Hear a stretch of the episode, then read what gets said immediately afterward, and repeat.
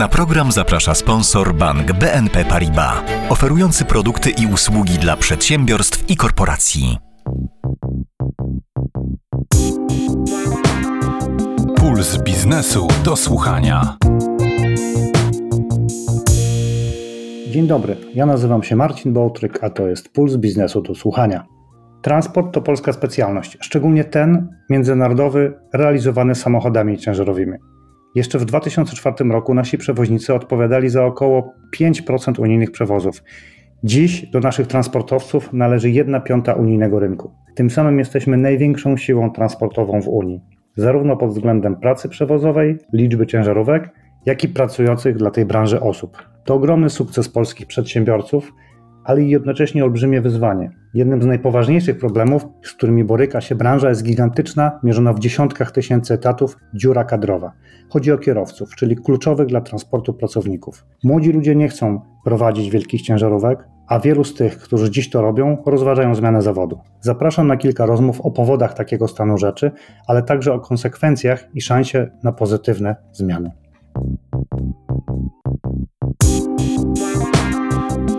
Puls biznesu do słuchania. Jaka jest geneza problemu braku kierowców i jaka jest jego skala? Pytam o to Macieja Wrońskiego, prezesa Związków Pracodawców Transport i Logistyka Polska.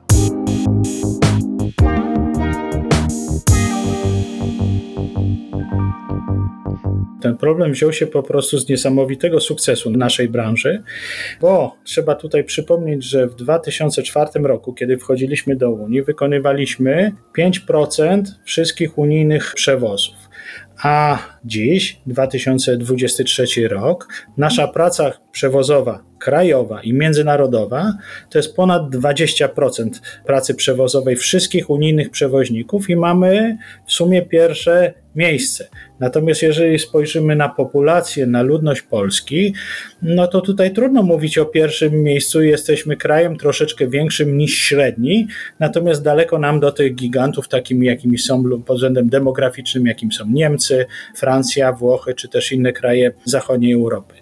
Stąd można powiedzieć, że w tym rozwoju natknęliśmy się na już pierwsze bariery i do tych pierwszych barier należy brak kierowców. Szacujemy, że obecnie na rynku brakuje od 120 tysięcy do 150 tysięcy kierowców, co oczywiście, i to dla tych słuchaczy, którzy nie są związani z branżą, kilka słów wyjaśnień, to oczywiście nie oznacza, że tyle naszych ciężarówek stoi pod płotem, albo tyle dodatkowo byśmy kupili, gdybyśmy te osoby mieli. To po prostu oznacza tyle, że stopień nasycenia firm transportowych kierowcami jest poniżej takiego wymaganego poziomu. Najbardziej optymalny poziom to jest mniej więcej półtora kierowcy na jedną jednostkę transportową, no bo kierowcy mają urlopy, kierowcy mają jakieś zdarzenia e, okolicznościowe, kierowcy chorują i to wszystko trzeba uwzględnić i takim bezpiecznym progiem to jest półtora kierowcy na jeden pojazd. W tej chwili w dużych firmach transportowych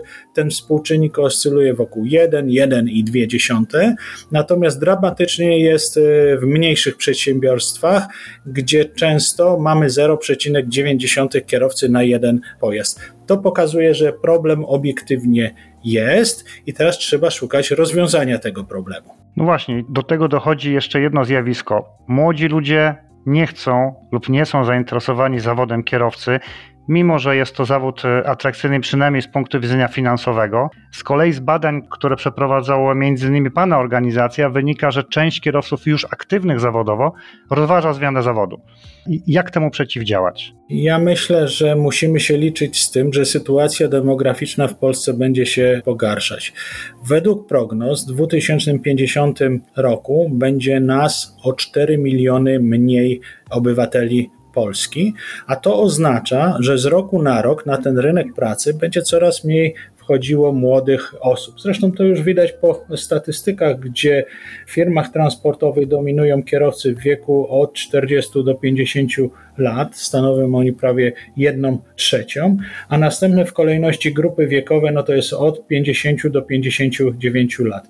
Młodzi ludzie stanowią 6,5%, co jest znacznie mniejszym takim współczynnikiem niż w innych gałęziach gospodarki, gdzie młodzi ludzie stanowią 16,7% ogółu pracowników. I tutaj trzeba się liczyć z tym, że będzie ich coraz mniej, co nie oznacza, że nie powinniśmy o nich w tym momencie walczyć. I teraz tak, jak pan słusznie wspowiedział, problemem nie są zarobki. Te zarobki, według z kolei badań grupy Inelo, w tej chwili wśród kierowców średnie wynagrodzenie brutto to jest około 10 tysięcy, 10 600 złotych. Oczywiście to średnie wynagrodzenie dotyczy zarówno kierowców jeżdżących w tak zwanej krajówce, jak i kierowców wykonujących międzynarodowe przewozy.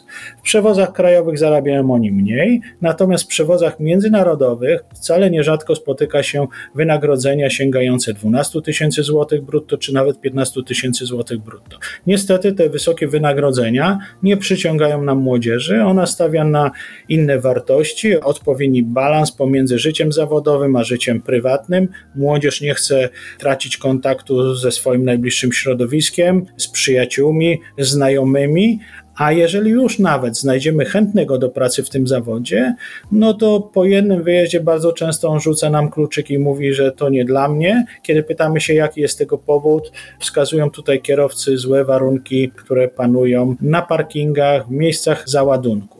I teraz tak, zastanawialiśmy się, jakie działania podjąć. Aktywizacja zawodowa, szkolnictwo zawodowe, to wszystko już było i nie przynosi efektu. W związku z tym szukajmy, jak zlikwidować te największe źródło niezadowolenia, jakim są warunki pracy.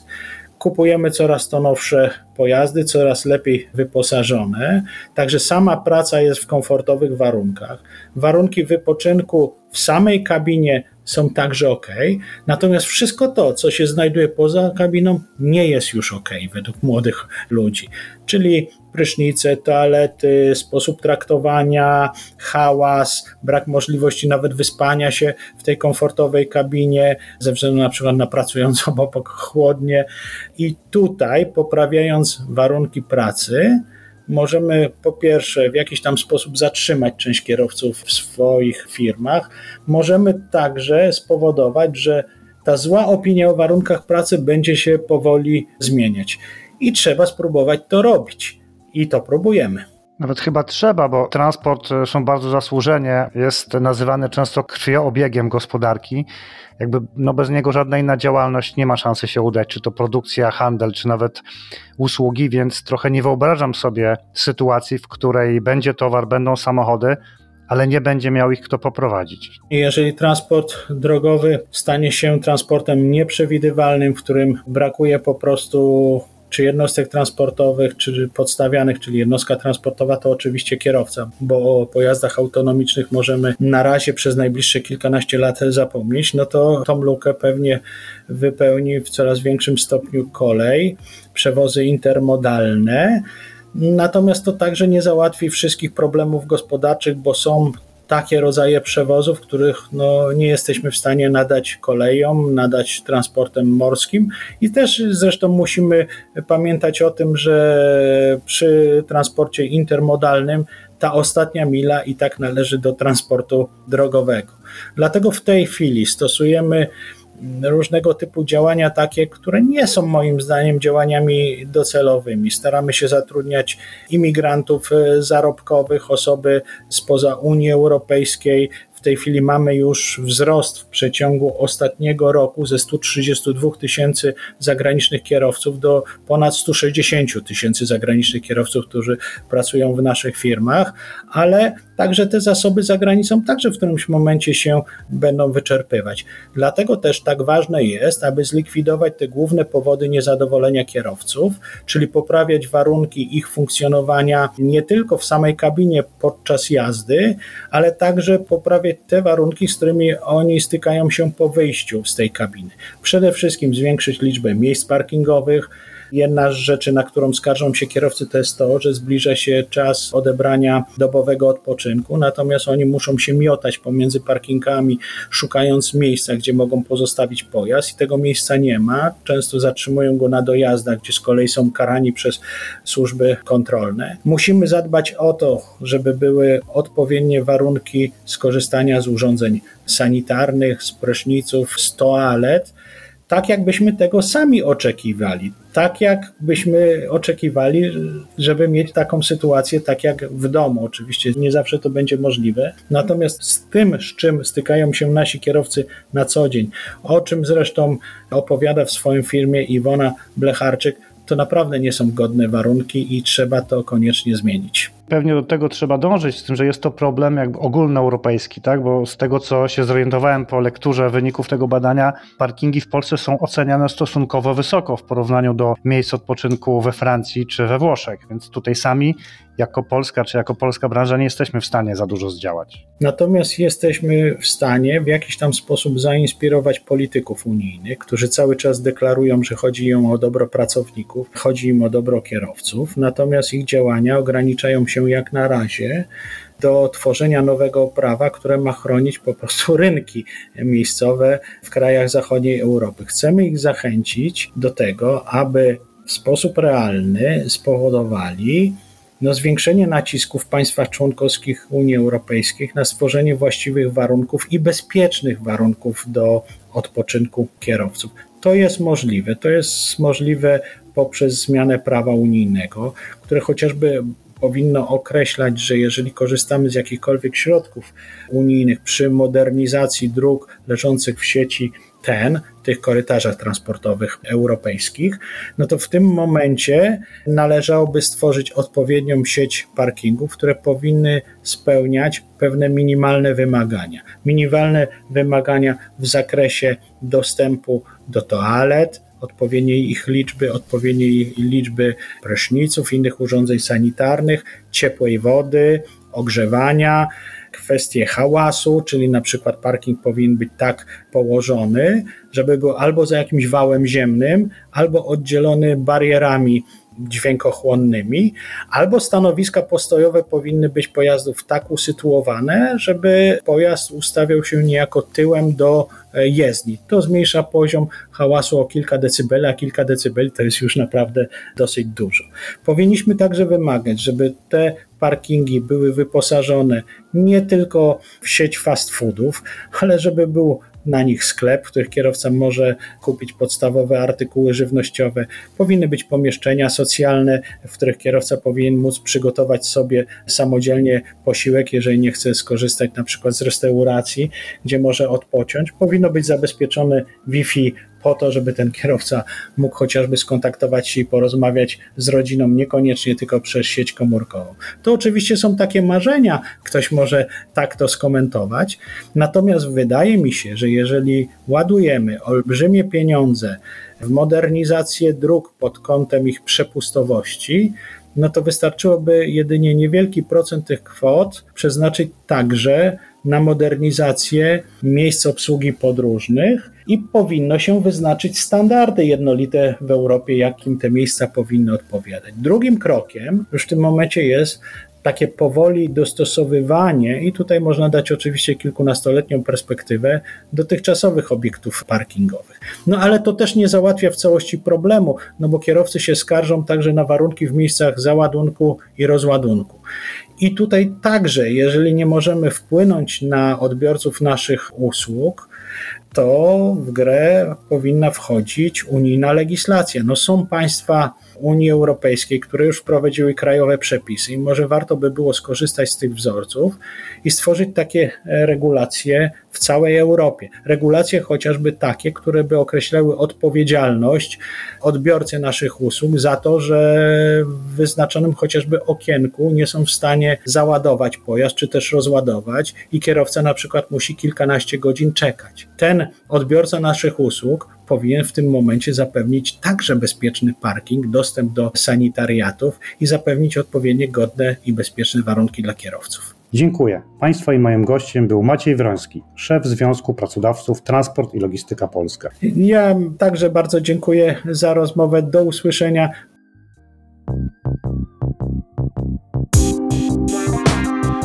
Puls biznesu do słuchania. O pracowników gotowych poprowadzić ciężarówkę nie jest dziś łatwo. Andrzej Szymański, dyrektor zarządzający spółką Dartom, opowiada o swoich sposobach na zelęzienie pracowników. Na początek pytam jednak o to, kiedy problemy z pozyskaniem kierowców zaczęły przybierać na sile.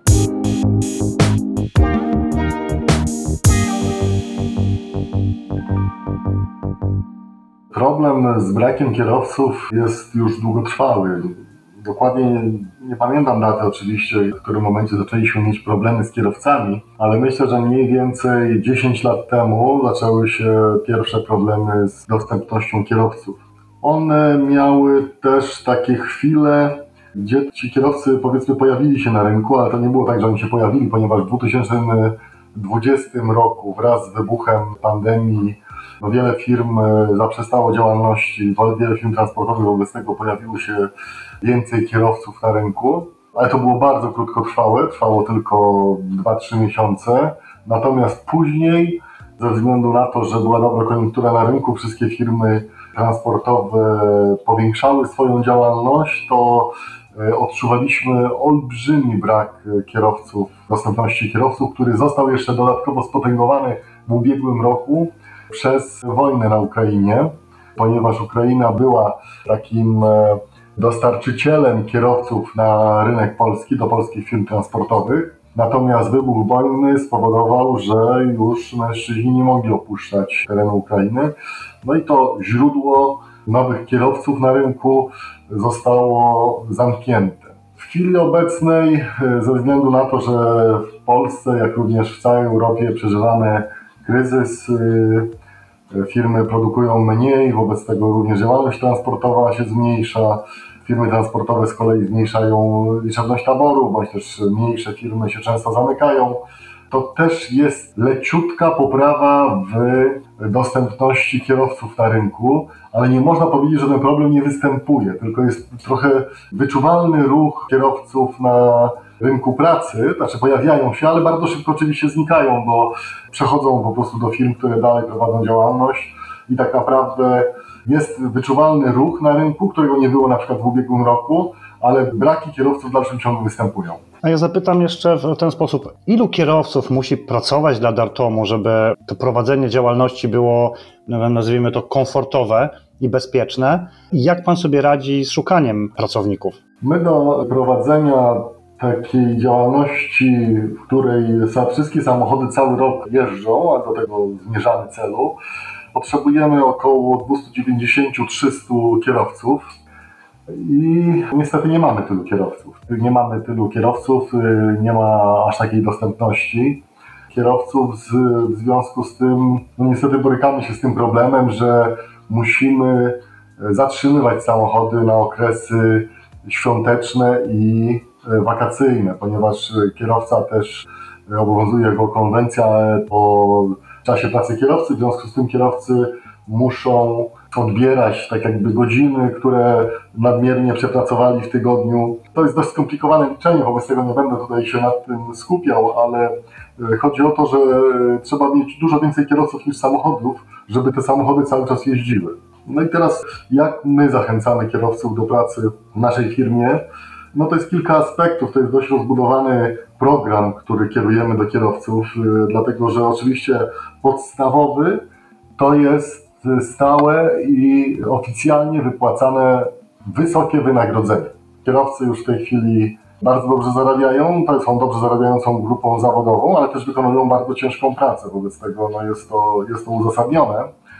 I jest to taki pierwszy element, który no najbardziej jest oczywiście przez kierowców doceniane. Ale oprócz tego mamy szereg e, innych zachęt dla kierowców, takich jak między innymi nowoczesny tabor, przestronne kabiny, co również kierowcy doceniają. Są inne benefity pozapłacowe, takie jak e, opieka zdrowotna, karty multisport dla całej rodziny. Dodatkowo organizujemy różne imprezy dla kierowców, także staramy się żeby ten kierowca miał jak największy komfort pracy. I dodatkowo jeszcze dla kierowców, ponieważ to są kierowcy z całej Polski, udostępniamy im samochody osobowe, żeby mogli w sposób e, szybki, nieprzerwany dotrzeć do domu po wykonaniu pracy, po powrocie do kraju, żeby nie musieli już się zastanawiać, czy będą mieli pociąg albo autobus, czy będą mieli jak dojechać, przesiadki po drodze, tylko żeby mogli sposób szybki dotrzeć do rodziny, jak najlepiej wykorzystać ten czas poza pracą. No to dość skomplikowany i mocno rozbudowany system zachęt. Mimo tego nadal część samochodów nie może wyjeżdżać na trasę, bo nie ma kto ich prowadzić. I właśnie do tego zmierza moje kolejne pytanie. Każda godzina, każda doba przestoju takiej ciężarówki to są e, wymierne straty dla firmy transportowej. Być może nie byłoby ich, gdyby te ciężarówki mogły jeździć same. Jak pan ocenia perspektywę wdrożenia w transporcie, w ciężkim transporcie międzynarodowym autonomii? Czy pan interesował się tym tematem? Kiedy robot może zastąpić kierowcę? No to jest e, bardzo trudne i interesujące pytanie, dlatego że parę lat temu wydawało nam się, że jesteśmy już bardzo blisko pojazdów autonomicznych. Dużo się mówiło już o samochodach osobowych, które są testowane, ale w ostatnim czasie temat bardzo ucichł. Nie znam przyczyny. Wydaje mi się, że no chyba są jakieś blokady prawne, być może też blokady technologiczne, żeby takie samochody mogły zaistnieć na rynku które oczywiście są e, przez nas wyczekiwane, ponieważ one faktycznie rozwiązałyby problemy z najlepszym wykorzystaniem samochodów, ale nawet nie spróbuje się podjąć przewidywania, kiedy takie samochody mogą wejść do użytku codziennego, ponieważ jest to temat całkowicie, absolutnie nieistniejący w tej chwili. Żaden producent samochodów nie wspomina o tym, że będą samochody autonomiczne, z którymi rozmawiamy. I nie wiem, czy w najbliższym czasie w ogóle możemy się spodziewać tego, że takie samochody będą udostępnione. Coś mówi się raczej o takiej możliwości powiększania samochodów ciężarowych, czyli tak jak w tej chwili samochód jeździ z jedną naczepą, no to są takie projekty, już w niektórych krajach nawet testy, żeby zamiast jednej naczepy to naczepę plus jeszcze przyczepę. Czyli tak jakby jeden ciągnik siodłowy mógł przewozić dwie naczepy z ładunkiem, czyli wtedy tak jakby dwukrotnie zwiększamy możliwości przewozowe jednego kierowcy, ale to też jest jeszcze w takich bardzo niewielkim znaczeniu testowane w niektórych krajach. W Polsce na razie, na razie takich testów jeszcze na szerszą skalę nie ma. No właśnie, bo ta autonomia rzeczywiście rozwiązała problem e, w sposób e, natychmiastowy. Tak jak e, ja również jestem tego zdania, że to nie jest perspektywa kilku lat, kiedy autonomia szeroko stanie stosowana w transporcie. Jak w takim razie zadbać o to, bo wiemy też, że młodzi ludzie nie garną się do zawodu kierowcy.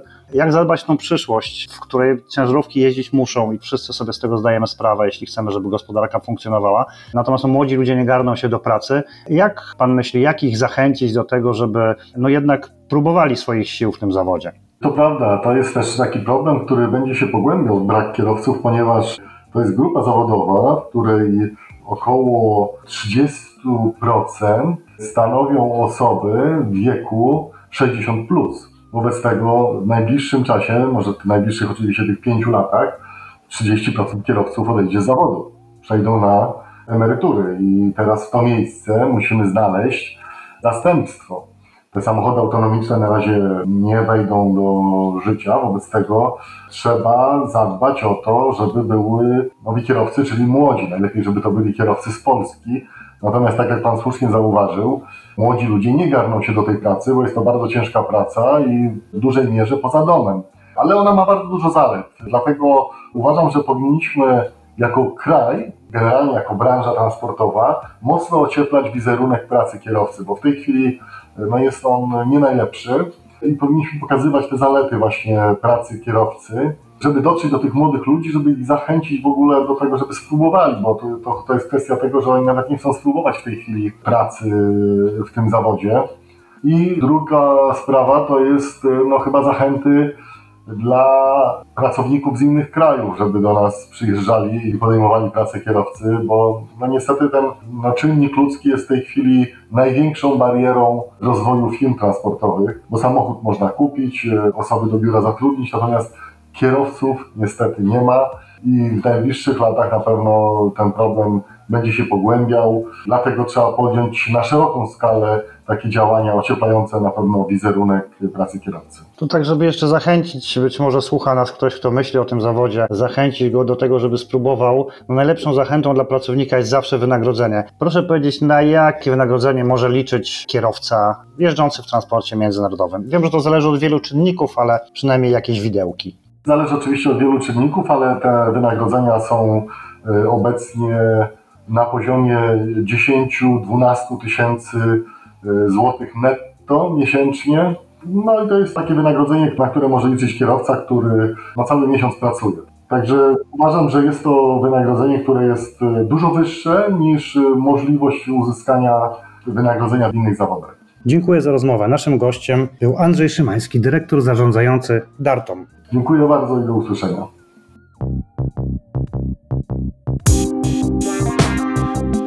Puls biznesu do słuchania.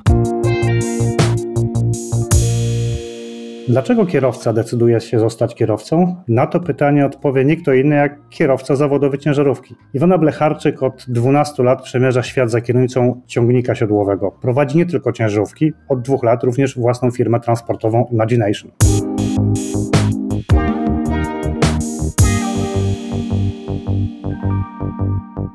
Złożyło się na to kilka czynników. Nie ma jakiegoś takiego jednego złotego powodu. Ja generalnie z wykształcenia jestem nauczycielką, tak samo zresztą jak są moi rodzice, to tak uprzedzając pytanie, czy tata był kierowcą, czy to rodzina transportowa. Absolutnie nie, rodzina nauczycielska. Ja, jako nastolatka, tak nie bardzo wiedząc, co mam ze sobą zrobić, poszłam za radą rodziców y, na studia związane z językiem angielskim, bo też stwierdzili, że skoro nie wiesz dokładnie czego chcesz, to język angielski, cokolwiek byś nie robiła, na pewno ci się w życiu przyda. I stwierdziłam, że to jest rzeczywiście dobry pomysł. I rzeczywiście bardzo dobrze, że poszłam, bo jestem strasznym antytalentem, jeżeli chodzi o języki, więc jeżeli bym się nie nauczyła chociaż trochę tego języka na studiach, to pewnie teraz bym go nie miała.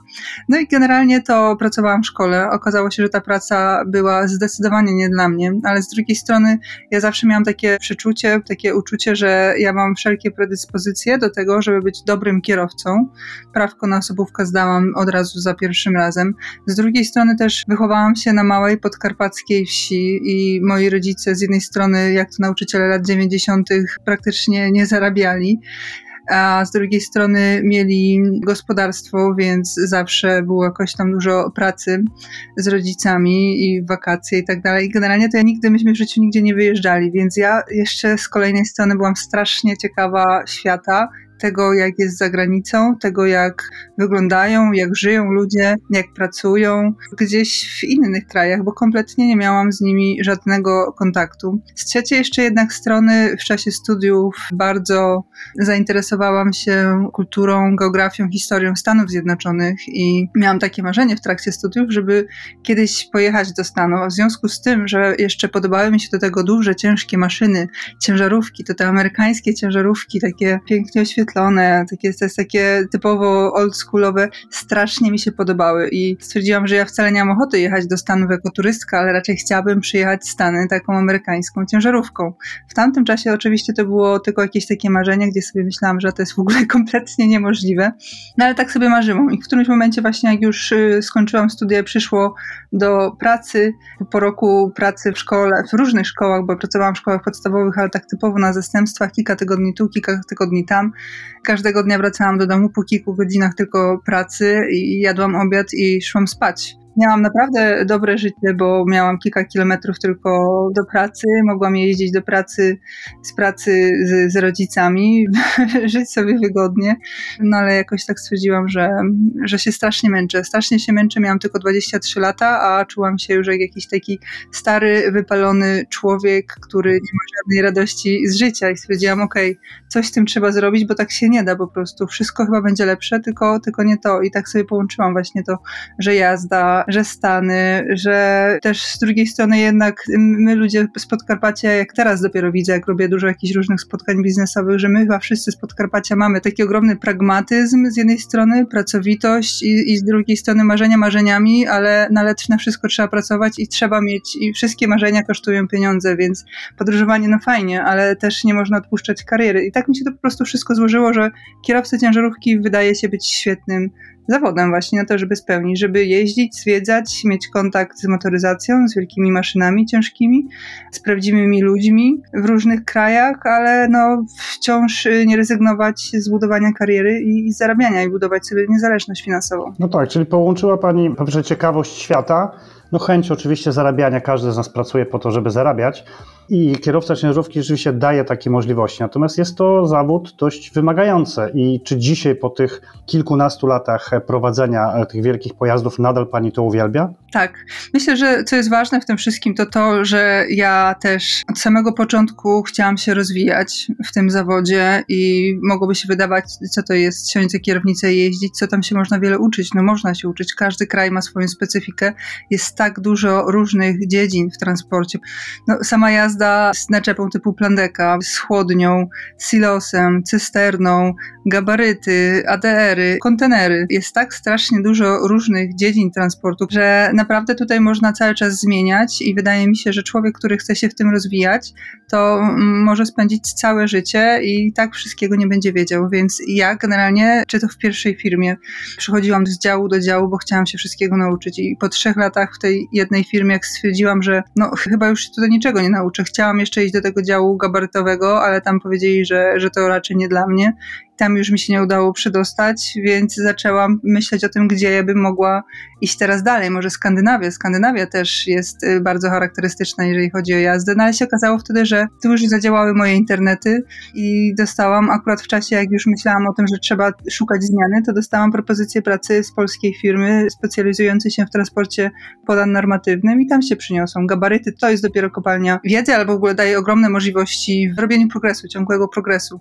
Lata i, i wciąż de facto można się szkolić, można po prostu przejść na inny zestaw i dalej jest coś. Zresztą w międzyczasie udało mi się spełnić to moje marzenie o Stanach Zjednoczonych. Jeździłam po Stanach, jeździłam w Kanadzie na lodowych szlakach, jeździłam po polach naftowych, gdzie nauczyłam się, właśnie to jest ciekawe, prawda, że wydawałoby się, że kierowca, który jeździ już przez kilka lat, ja w tamtym czasie już jeździłam 6 lat, yy, chyba już każdy będzie potrafił zakładać łańcuchy na koła. Ja dopiero się nauczyłam zakładać łańcuchy na koła w Kanadzie i to w lecie, co ciekawe, na polach naftowych, gdzie jeździłam po bardzo śliskich, takich błotnych drogach wiodących przez lasy, a na odwierty, na odwierty, gdzie wydobywana była ropa naftowa i tam się dopiero nauczyłam zakładać łańcuchy na koła, więc no, nie nudzi mi się, bo zmieniam. Co kilka lat, jak czuję, że już wyeksploatowałam daną dziedzinę, to po prostu zmieniam jak już tak czułam, że wyeksploatowałam ten cały transport, to sobie kupiłam ciężarówkę. Wyzwanie biznesowe. No właśnie pani jest przykładem osoby, która zakochała się w tym zawodzie i jakby ta miłość trwa, cały czas szuka sobie pani nowych wyzwań, przedstawia przed sobą nowe wyzwania próbuje im sprostać. Natomiast rzeczywistość rynkowa wygląda zgoła odwrotnie. Młodzi kierowcy, młodzi ludzie nie garną się do tego zawodu, mimo że on no, daje takie możliwości rozwoju, zwiedzania świata i oczywiście zarabiania, i to całkiem solidnego zarabiania. A z drugiej strony kierowcy, którzy już wykonują ten zawód, coraz częściej myślą o tym, żeby zmienić go i w ogóle porzucić transport na rzecz zupełnie innych aktywności. Co się takiego dzieje w tym zawodzie, że on z jednej strony nie zachęca młodych ludzi, z drugiej odstrasza tych, którzy są aktywni zawodowo? No, myślę, że standard życia znacznie się podniósł i standard życia z drugiej strony na drodze jest taki sam i ta dysproporcja tylko i wyłącznie rośnie. Więc ja myślę, że to jest jeden z dosyć ważnych czynników, bo jak sobie wyobrażę, mm, jak sobie Państwo wyobrażą, że swoje kilkunastoletnie dziecko, jeżeli Państwo takowe mają, dziecko już nastolatka, wysyłają Państwo w trasę i się okazuje, że załóżmy, czy to przez kilka dni nie ma się gdzie wykąpać, albo idzie się kąpać, a tam jest dosłownie Sodoma i Gomora i wszędzie pleśń i jak to często była zimna woda i lepiej niczego nie dotykać, bo człowiek się boi, że później już od dermatologa przez lata nie wyjdzie. Więc wydaje mi się, że z jednej strony te takie ciężkie, naprawdę nieludzkie, nieludzkie warunki na drodze, a z drugiej strony no, ten zawód wciąż nie cieszy się szacunkiem. No, ja zawsze przytaczam na wszelkich konferencjach przykład pandemii. Przyszła pandemia, wszystkich pozamykali w domu. Wszyscy, jak nie było jeszcze wiadomo, na ile poważny jest ten wirus, to było wszyscy, nie zostajcie w domu, zostańcie w domu. No, a kierowcy jechali w trasę z jednej strony, a z drugiej strony stacje benzynowe pozamykały toalety, pozamykały prysznicy, pozamykały dostęp do wody. Kierowcy przez te pierwsze dni nie mieli dostępu w ogóle do żadnych jakichś takich takich miejsc, gdzie mogliby załatwić swoje potrzeby fizjologiczne. I to de facto, ta sytuacja dopiero jasno, czarno na białym pokazała miejsce kierowców w społeczeństwie. Mi się wydaje, że współczesny człowiek nie chciałby nawet wykąpać swojego psa czy kota w takim prysznicu, w którym kąpiemy się my kierowcy, więc z jednej strony to jest ciężka praca, no a z drugiej strony te warunki są naprawdę upokarzające, więc e, ja słyszę, jak jeżdżę czasami gdzieś tam przez Polskę, jadę, porozmawiam z kierowcami na CV, to jest strasznie dużo kierowców, którzy przez lata, przez średnio 10 lat jeździli na międzynarodówce i w którymś momencie, gdy już się ożenili, pojawiły się dzieci, stwierdzili, że na krajówce mają trochę mniejsze pieniądze, ale sobie szukają takiej pracy, no, żeby byli codziennie w domu, żeby mieli kontakt z rodziną. No i ja widzę, że już coraz więcej osób docenia jednak ten swój czas prywatny z rodziną, ten kontakt codzienny i stwierdza, że te pieniądze, które mogą zarobić jako kierowcy, jeżdżąc na międzynarodówce, po prostu już nie są warte. No ale zanim roboty przejmą stery ciężarówek, co nie nastąpi zbyt szybko, ktoś te towary będzie musiał wozić. Ta luka kadrowa этого szacowana jest nawet na kilkaset tysięcy w Unii Europejskiej kierowców. Co można zrobić tu i teraz? Czy to tylko wystarczy poprawić te warunki na parkingach czy w miejscach postoju, żeby tych kierowców po prostu nie zabrakło? Ja myślę, że tutaj jest potrzebne kompleksowe działanie. Tutaj trzeba działać na kilku frontach. Z jednej strony rzeczywiście te warunki muszą bardzo szybko ulec polepszeniu i z drugiej strony myślę, że wciąż trzeba cały czas pracować nad poprawą wizerunku tego zawodu. Z trzeciej strony też no, często się mówi i słyszę na konferencjach, żeby gdyby tak kobiety zaczęły jeździć, to rzeczywiście ta luka byłaby dużo, dużo mniejsza, ale ja mówię, że te kobiety, które miały predyspozycje, które chciały bardzo to robić, one już to robią. Rynek się otworzył, gdy firmy transportowe otworzyły się na to, żeby zatrudniać kobiety i my swoją bardzo dobrą, wysokiej jakości pracą tylko uświadomiłyśmy pracodawcom, że kobieta w zespole kierowców to skarb i ja myślę, że teraz z tego jak rozmawiam z, z firmami, to każda firma transportowa bardzo chętnie zatrudnia kobiety z jednej strony, ale z drugiej strony, chcąc znaleźć, zachęcić takie kobiety, które po prostu chcą pójść do pracy i mieć pracę i być uszanowane w tej pracy, jak po prostu w każdej innej pracy, no na ten moment no, nie ma miejsca. Na ten moment nie ma miejsca dla kobiet w transporcie na drodze, bo te warunki są naprawdę strasznie, strasznie kiepskie. Jak już podaję taki przykład typowej kobiety z długimi włosami, która chce pójść pod prysznic i nałożyć sobie odżywkę na włosy, no to jak zazwyczaj to ma się na prysznic 15-20 minut, no to to już jest kiepsko i w perspektywie życia to, to są właśnie takie małe rzeczy, które sprawiają, że się po prostu rezygnuje z tego. Więc mówcie, że też trzeba mówić dużo o bezpieczeństwie. Kraje takie jak Polska czy Austria są naprawdę bardzo bezpieczne, ale z drugiej strony no jednak dużo transportu międzynarodowego przecież jeździ po Francji, po Włoszech, Niemcy, a w tych krajach naprawdę już coraz częściej jest mniej bezpiecznie, a przede wszystkim służby bardzo rzadko traktują ten problem bezpieczeństwa i kradziejstwa na parkingach jako jakiś tam poważny i nie widać tam jakichś takich zdecydowanych reakcji. W kontekście jeszcze takiego braku kierowców i kiedyś rozmawiałam ze specjalistką, która powiedziała, że zrobili kiedyś obliczenia w firmie, które wykazały, że gdyby każda firma bodajże, której się ładujemy, rozładujemy, skróciła ten czas oczekiwania o 40 minut, to ten brak kierowców, ten brak ciężarówek na rynku spadłby diametralnie, więc z jednej strony ta poprawa warunków ale z drugiej strony też optymalizacja procesów, bo ile godzin my kierowcy tracimy na załadunki, rozładunki. I to jest oczywiście coś, co rynkowi uważam, że bardzo by pomogło z jednej strony, ale z drugiej strony no, kierowcy też częściej by pewnie mogli zjeżdżać do domu. I jak ja sobie patrzę na statystyki i widzę, że najwyższy procent młodych kierowców mamy w krajach takich jak Holandia czy Szwecja, to jak ja to interpretuję, to że w tamtych krajach jest dużo portów, jest dużo takiej pracy, kontenerowej, jeżdżenia wokół tak zwanego komina, dzięki której kierowca codziennie może być w domu. I mi się wydaje, że to jest ważne też dla młodych ludzi, bo teraz młodzi ludzie już od dziecka jeżdżą na wakacje. Młodzi ludzie już nie są ciekawi świata według mnie, bo oni mają ten świat podany przez rodziców na różnych wakacjach, przez internet i tak dalej, i tak dalej. Teraz wydaje mi się, że młodzi ludzie raczej chcą żyć swoim życiem i chcą z jednej strony zarabiać, bo przecież to nie jest tak, że oni nie potrzebują pieniędzy. Oni tak samo chcą zarabiać, ale chcą też robić fajne rzeczy i chcą mieć też swoje życie prywatne, więc wydaje mi się, że chcą raczej jak najczęściej być w domu i, i budować sobie jakieś po prostu życie. Więc jest tutaj dużo różnych aspektów. To wszystko, o czym Pani mówi, te uwłaczające warunki na parkingach, wielogodzinne oczekiwanie, oczywiście to jest wyzwanie, żeby temu sprostać, ale obserwując Pani Instagrama, do czego zachęcam naszych słuchaczy, no, z tych zdjęć, które Pani tam pokazuje, zdjęć, relacje, filmów, no generalnie bije szczęście i uśmiech. Dlatego moje ostatnie pytanie już do Pani brzmi tak. Czy miała Pani taki moment w swojej karierze kierowcy, w którym chciała Pani rzucić tą pracę i co te przemyślenia wywołało? No, rzeczywiście Instagram jest taką platformą, gdzie raczej promowane jest piękno i wszystko ładne, więc dla takie prawdziwe bardziej sytuacje, gdzie coś mi się zepsuje, gdzie coś mi nie idzie, gdy jestem zła, przeklinam czasami, gdy coś sobie zepsuję sama, y, są na YouTubie, no, to także zapraszam też na YouTube'a, tam są takie typowe vlogi, gdzie można zobaczyć coś więcej, trochę szerzej, to tak naprawdę... Ciemną stronę życia kierowcy, tak? Tak, ciemną stronę życia kierowcy tam pokazuje rzeczywiście te prysznice, zarówno jak są kiepskie, jak są dobre, bo dobre też trzeba przyznać, że one też są, nie? Jak mi tam któregoś razu otworzyli baki na południu Francji, to też tam się pokazało, więc to wszystko rzeczywiście tam jest, także tam też zapraszam, jeżeli ktoś jest też troszeczkę bardziej zainteresowany szczegółami. Ale wracając do pytania, to wydaje mi się, że jest coś takiego jak kryzys i ja pamiętam, że taki pierwszy swój kryzys miałam po pierwszym roku jazdy, byłam młodą dziewczyną i generalnie to mi strasznie było ciężko znaleźć tą pierwszą pracę jako kierowca, bo ani doświadczenia nie miałam w tamtym czasie, nie było braku kierowców i każdy chciał mieć kierowcę z doświadczeniem. Ja ani doświadczenia, a do tego jeszcze młoda dziewczyna, a w tamtym czasie raczej dziewczyn jeszcze nie było, nie było widać za kierownicą, więc jak mi się w końcu udało, to ja byłam strasznie szczęśliwa i ja po prostu ten transport przez ten pierwszy rok pracy to po prostu był ciągły haj dla mnie. Jak już troszeczkę się nauczyłam jeździć, manewrować, jak już trochę się przestałam stresować, to było po prostu życie na ciągłym haju, ale w którym którymś momencie pamiętam, jak gdzieś stałam w Niemczech, w aucie nie miałam klimatyzacji postojowej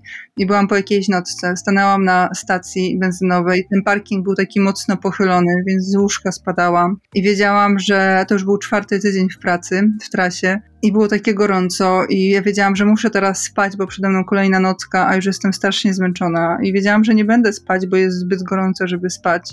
Klimy nie miałam i ja otworzyłam, pamiętam w tamtym czasie Facebooka i zobaczyłam, że tam moje koleżanki, jakaś tam jedna gdzieś na jakichś rajskich wakacjach i właśnie się chłopak oświadczył i później jakaś to, jakieś tak dużo wakacji. Zobaczyłam po prostu na Facebooku bardzo dużo wakacji wśród moich jakichś takich koleżanek ze studiów i sobie pomyślałam, Boże, co ja tutaj robię? One tam zamiast sobie znaleźć jakiegoś y, bogatego męża i, jeździć po Malediwach, to ja tutaj siedzę w ciężarówce, nie wiem ile się już nie kąpałam, bo cały czas się składało, było tak strasznie dużo pracy, że mi się wszędzie w ogóle nie składało, żeby się wykąpać. Jest gorąco, jestem zmęczona, spadam z łóżka i co ja tutaj robię? I pamiętam, że miałam taki okres właśnie, że kilka tygodni jakoś tak mi było ciężko. I wtedy właśnie co sprawiło, że się w ogóle to przełamało w drugą stronę, to jak zjechałam znowu do Hiszpanii i pamiętam jadąc gdzieś tam przez francuską lodówkę, dosłownie na rondzie się zjechałam z kierowcą, który mnie szkolił w pierwszym miesiącu ja sobie przypomniałam, jak ja w tamtym momencie, to jest w ogóle niesamowite, że ani nie otrzymywaliśmy nawet kontaktu jako tak raz na jakiś czas tam, czy wszystko dobrze, czy nie masz czymś problemu i tak dalej, ani nawet nie wiedziałam, że on też jedzie w tamtym kierunku. I się zjechaliśmy dosłownie na rondzie, wjechaliśmy na to samo rondo z przeciwnych kierunków i w tym samym momencie. I jak ja sobie wtedy przypomniałam, jak ja się strasznie cieszyłam, że po tylu miesiącach szukania tej pracy, ja w końcu znalazłam tą pracę i przypomniałam sobie, jak przez pierwszy miesiąc jeździliśmy po wszystkich wszystkich krajach, bo firma chciała mnie powysyłać, żebym się zorientowała, gdzie, jakie są zasady choćby poboru opłat drogowych i co jak działa. Ja sobie przypomniałam ten pierwszy miesiąc i po prostu jak za dotknięciem różdżki wszystko mi przeszło. Później były takie momenty rzeczywiście, gdzie nieraz było mi ciężko. Ja przez 6 lat pracowałam na gabarytach i to jest praca nocna, spanie w dzień. Czasami było strasznie intensywnie, czasami było ciężko. No i też sobie myślałam, kurczę, ile ja tak będę żyć, ale ostatecznie jakoś ta ekscytacja zawsze wracała. Wydaje mi się, że w moim przypadku konkretnym to po prostu jest tak jak z prawdziwą miłością. Mówi się, że jak miłość jest prawdziwa, to z każdym kolejnym rokiem jest tylko lepiej i lepiej, a, a gdy miłość jest jakaś taka bardziej... Jak to jest zauroczenie, a nie miłość, tak, to wtedy tak to szybko mija. Dokładnie, to na początku jest high, no a później po prostu wszystko zaczyna się nudzić i psuć i się tylko ludzie wzajemnie się ze siebie denerwują. A jak jest prawdziwa, to się wszystko tylko po prostu rozkręca i, i rośnie i bardziej cieszy. Pani Iwono, bardzo, bardzo dziękuję za rozmowę, gratuluję wytrwałości, no i życzę szerokiej drogi. Dziękuję, dobrego dnia, do usłyszenia. Gościem Pulsu Biznesu Słuchania była Iwona Blecharczyk, właścicielka firmy Imagination i kierowca zawodowy.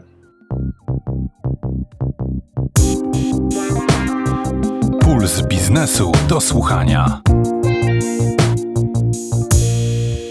Kto dziś szuka pracy jako kierowca? To pytanie kieruję do Zbigniewa Miszona, specjalisty do spraw szkoleń kierowców w firmie Maszoński Logistic.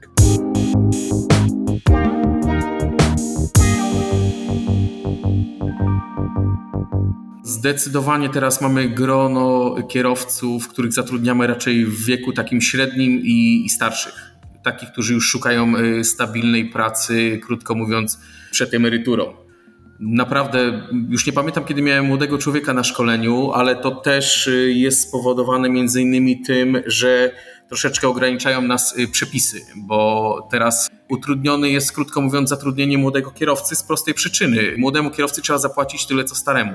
Powoduje to pakiet mobilności i wszystkie wprowadzone przez to przepisy i niestety pracodawcom nie do końca się to opłaca. No ktoś, kto nie jest doświadczony, no, musi zarabiać według przepisów tyle, co doświadczony kierowca, także nie bardzo kalkuluje się to firmom y, transportowym. Czyli z jednej strony e, przepisy, ale z drugiej strony też e, niechęć młodych ludzi do wykonywania tego zawodu, który wiąże się przecież z bardzo częstym przebywaniem poza domem. No zdecydowanie, zdecydowanie to widać. Jeśli cofniemy się parę lat do tyłu, my jako kierowcy widzieliśmy, że na przykład y, Francuzi czy Belgowie bardzo rzadko wyjeżdżali poza granice swojego kraju, praktycznie co dzień, co drugi dzień byli w domu i my chyba jesteśmy teraz na dokładnie na takim samym etapie.